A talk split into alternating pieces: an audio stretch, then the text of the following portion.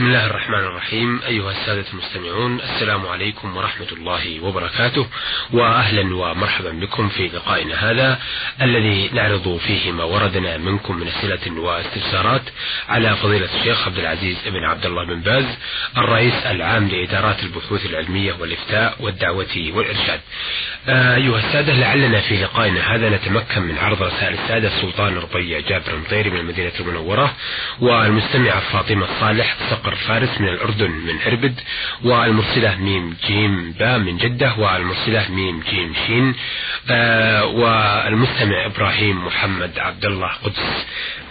الرسالة التي بين يدينا من سلطان ربيع جابر المطيري من المدينة المنورة يقول فيها إلى فضيلة الشيخ عبد العزيز بن عبد الله بن باز حفظه الله. ما حكم التحدث في المسجد؟ أي السواليف مثل أرى صديق أو قريب في المسجد قبل الصلاة أو بعدها وأسلم عليه. كيف الحال وكيف الصحة وتفضل معنا وغير ذلك من الكلام. بسم الله الرحمن الرحيم. الحمد لله.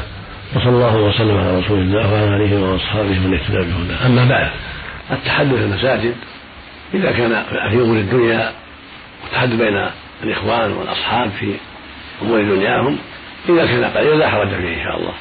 أما إذا كان يكره يكره أن تتخذ المساجد محل أحاديث الدنيا فإنها بنيت لذكر الله وقراءة القرآن والصلوات الخمس وغير هذا من وجوه الخير كالتنفل والاعتكاف وحلقات العلم. أما اتخاذها للسواليف في أمور الدنيا فيكره ذلك. لا الشيء القليل الذي تدعو له الحاجة عند السلام على أخيه الذي اجتمع به. وسؤاله عن حاله وأولادها وأشياء تعلق بهذا أو بأمور الدنيا لكن لكن بصفة غير طويلة بل بصفة قليلة فلا بأس بذلك. نعم. آه، سؤالها الثاني يقول هل يجوز الدعاء أثناء الصلاة مثل الركوع والسجود؟ نعم الدعاء مشروع السجود. لقول النبي صلى الله عليه وسلم الركوع فعظموا في الرب. وأما السجود فاجتهدوا في الدعاء فقد يستجاب لكم. رواه مسلم في الصحيح.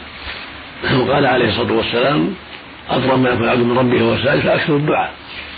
فالدعاء في السجود قربه طاعه وترجى إجابته. أما الركوع فالأولى أن يخص بالتعظيم دون الدعاء. اللهم إلى الدعاء قليل لأن الرسول صلى الله عليه وسلم قال أما الركوع فعظمه للرب فدل ذلك على أن الركوع محل التعظيم. طاعة الرسول صحيح في قوله أما الركوع فعظمه في الرب. سبحان ربي العظيم سبحان ربي العظيم. سبحان ذي الجبروت والملكوت والكبرياء والعظمة سبوه قدوس ربنا في الروح. هذا هو التعظيم ومن ذلك سبحانك اللهم ربنا وبحمدك اللهم اغفر لي. هذا فيه تعظيم فيه دعاء لكن الدعاء قليل. قالت عائشة رضي الله عنها كان النبي صلى الله عليه وسلم يكثر أن يقول في ركوعه وسجوده سبحانك اللهم ربنا وبحمدك اللهم اغفر لي.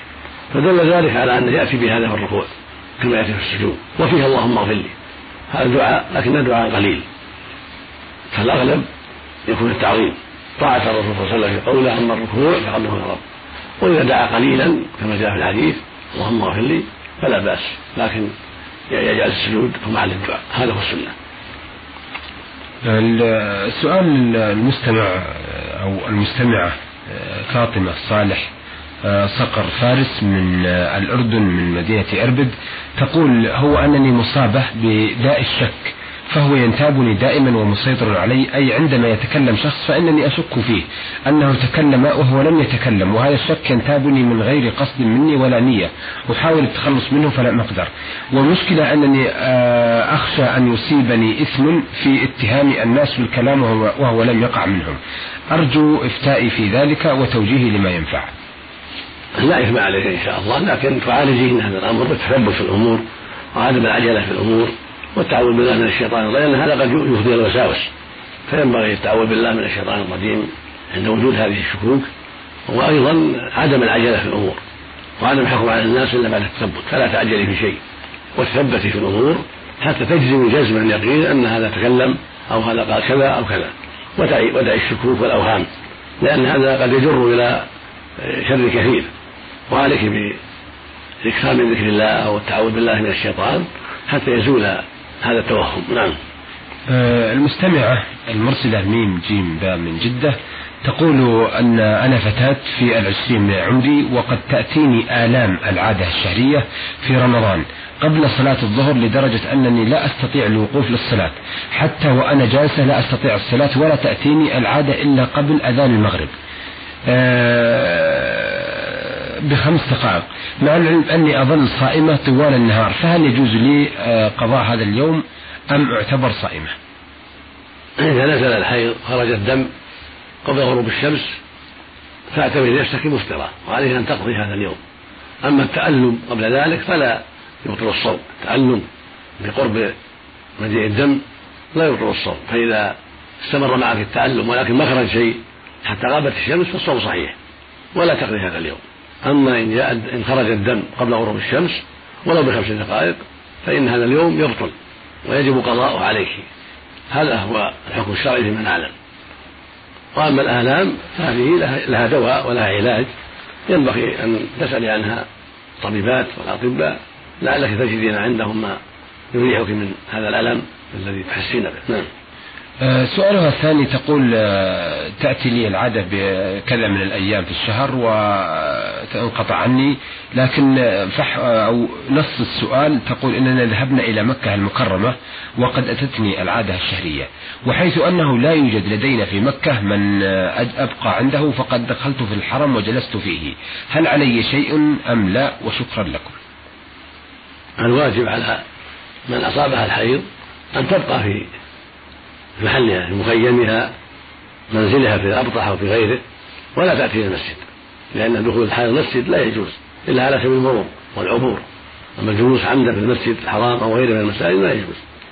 لكن لو اضطرت لو جاءت وهي سليمة ليس بها حيض ثم بليت بالحيض وهي في المسجد ولا تعرف أحدا تذهب إليه فإن الأولى بها أن تخرج وتجلس عند باب المسجد حتى يفرغ أصحابها ولا تجلس المسجد بل تعيده محلا معروف بابا معروفا فتجلس فيه حتى يأتوا فتذهب معهم. مهما استطاعت إلى ذاك سبيلا. ولا تجلس المسجد وهي حائض لأن الرسول نهى عن ذلك عليه الصلاة والسلام. قال لا يحل المسجد الحائض ولا جنوب. فالمسجد لا يجلس فيه لا يجلس فيه الحائض ولا جنوب. لكن عابر السبيل الذي يمر مرور لا بأس بذلك. فهي تجتهد وتحرص على أن تنتظرهم خارج المسجد عند الأبواب. نعم. المستمعة المرسلة نون نون شين بعثت بهذه الرسالة تقول فيها هل في الذهب الذي يستعمل في في زكاة أم لا؟ لأن الذي لا, لأن الذي ندرسه في المدرسة عن الزكاة يقول لا زكاة في الذهب المعد للاستعمال وإذا كان عليه زكاة فكيف نخرجها وفقكم الله؟ الحلي المستعمل من الذهب والفضة في خلاف بين العلماء. بعض أهل العلم يرى أن لا زكاة فيه وهو المعروف مذهب الشافعي وأحمد بن حنبل رحمه الله الحنابلة وهو المدرس في المعارف هنا في السعودية. والقول الثاني أن أن فيه زكاة. لأن ورد عن النبي صلى الله عليه وسلم يدل على ذلك. وهذا هو الأرجح أن فيه الزكاة. إذا بلغ النصاب عشرين مثقالا ومقدارها أحد عشر جنيه ونصف هذا فيه الزكاة. فإن كان أقل من ذلك فلا زكاة فيه سواء كان ملبوسا أو غير ملبوس. إذا كان أقل من النصاب لا زكاة فيه. أما إذا بلغ النصاب فإنها تزكيه ولو كان معدا لللبس والعارية على الأرجح. لأن الرسول صلى الله عليه وسلم قال لامرأة دخلت عليه وعليها سواران من ذهب. أتعطينا زكاة هذا؟ قالت لا. قال يسرك أن يسورك الله بهما يوم القيامة سوارين من نار فألقتهما وقالتهما لله ورسوله.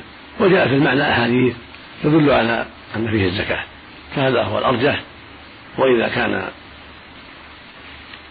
الملبوس أو معد للبس أقل من العشرين مثقال فلا زكاة فيه. نعم. آه هذه أيضا سؤالها الثاني تقول هل لبس الحجاب أمام الأقارب حرام؟ آه لخروج اليدين والوجه. كما سمعت في برنامجكم بأن لا فائدة منه إذا خرج الوجه ولكن ماذا تفعل إذا كان الوضع هكذا عندنا؟ آه نرجو التوضيح وفقكم الله لنا. المرأة عليها أن تحتجب عن عن غير محارمها كابن عمها وأشباهها وسائر الأجناب منها. عليها أن تحتجب لأن الله سبحانه يقول وإذا سألتمون متاعا فاسألون من وراء حجاب. ذلكم أطهر لقلوبكم وقلوبهم. فالله سبحانه أمر بالحجاب وأخبر أنه أطهر لقلوب الجميع والطهارة مطلوبة للرجال والنساء جميعا فليس لها أن تكشف وجهها وكفيها عند زوج أختها أو عند ابن عمها أو نحو ذلك بل تحتجب منه بالحجاب الذي يستر وجهها وكفيها لأن خروج ذلك من أسباب الفتنة. والله سبحانه حين أمر بالحجاب لم يقيد ذلك بما عدا الوجه والكفين بل أطلق فعم الوجه والكفين. وهكذا قوله سبحانه ولا يبدين زينتهن إلا لبعولتهن أو آبائهن أو آباء بعولتهن الآية. والوجه من أعظم الزينة فلهذا وجب ستره في أصح قولي العلماء. وذهب بعض أهل العلم إلى أنه لا حرج في كشف الوجه والكفين لغير المحارم واحتجوا بما قاله ابن عباس وجماعة في قوله تعالى ولا يبدين زينتهن إلا ما ظهر منها. يروى عن ابن عباس وجماعة أن ما ظهر منها يعني الوجه والكفين. وقالوا إن هذا تحتاج المرأة إليه في سائر أعمالها في بيتها وغير ذلك. فإذا كان عند أجنبي وسترت وجهها فإن هذا يشق عليها كثيرا. وهذه حجج ليست بظاهرة بل الصواب الأخذ بما دل عليه القرآن العظيم من الحجاب وأما الآية فهي مجملة إلا ما ظهر منها مجمل تفسره الآيات الأخرى. المجمل لا تعارض به النصوص والنصوص صريحة في تحريم ابداع الزينة والوجه من الزينة فوجب ستره ووجب الحجاب عن كل من ليس بمحرم من ابن عم ومن زوج أخت ومن أخي زوج وغير ذلك. هذا هو المعتمد وهو أصح قولي العلماء رحمة الله عليهم لما فيه من الحيطة ولما فيه من العمل بالآيات الكريمة ولما فيه من البعد عن أسباب الفتنة نعم. سؤالها الأخير تقول أنا فتاة متوسطة في ديني ومع ذلك محافظة على أشد عليه أشد الحفاظ يعني على الحجاب. ولكن آه شيء واحد يزعجني هو أننا نسافر أو نذهب إلى الخارج ونلبس العباءة ونكون آه ملفتين للنظر. فجميع الرجال ينظرون إلينا. فهل لو ما لبسنا الحجاب على وجوهنا على وجوهنا معنى لبسناه على أيدينا وأرجلنا هل في ذلك شيء ونحن خارج المملكة؟ الخارج والداخل سواء. الواجب الحجاب مطلقا في الخارج والداخل لأنهم هناك رجال كما أن في الداخل رجال. فالواجب التستر والحجاب عن الجميع. ولا ولا تبالون. ليس لا ينبغي أن تبالوا باستنكارهم فهم يأتون إلى بلادكم إلى بلاد المسلمين بزيهم ولا يبالون. فالمسلم أولى بأن يحافظ على زيه الشرعي ولا يبالي بأعداء الله ومن كفر بالله ولا باستنكاره. نعم. آه هذه الرسالة وردتنا من أحد السادة المستمعين لم يوضح اسمه. يقول في صلاة يقول يسأل عن وضع اليدين في الصلاة. يقول آه في الصلاة أن سنة النبي صلى الله عليه وسلم يضع يده اليمنى على اليسرى واختلفت الأقوال في ذلك. نريد الوقوف على القول الصحيح. السنة أن يضع يمينه على شماله في الصلاة. الوقوف في الصلاة قبل الركوع وبعده يضع يده اليمنى على كفه اليسرى والرسل والسائل هذه السنة. واختلف أهل العلم في محلها. فقيل على صدره وقيل على سرته وقيل تحت سرته. يروى في هذا أحاديث عن النبي عليه الصلاة والسلام. لكن أصحها وأثبتها على صدره. صح ما ورد على صدره. هذا هو أصح ما ورد. عن وائل بن حجر وعن قبيصة بن هد الطائي عن أبيه. وعن طاووس مرسلا. كلها تدل على أن السنة وضع اليدين على الصدر. اليمنى على اليسرى على الصدر. هذا هو الأفضل. والأمر في هذا واسع إن شاء الله.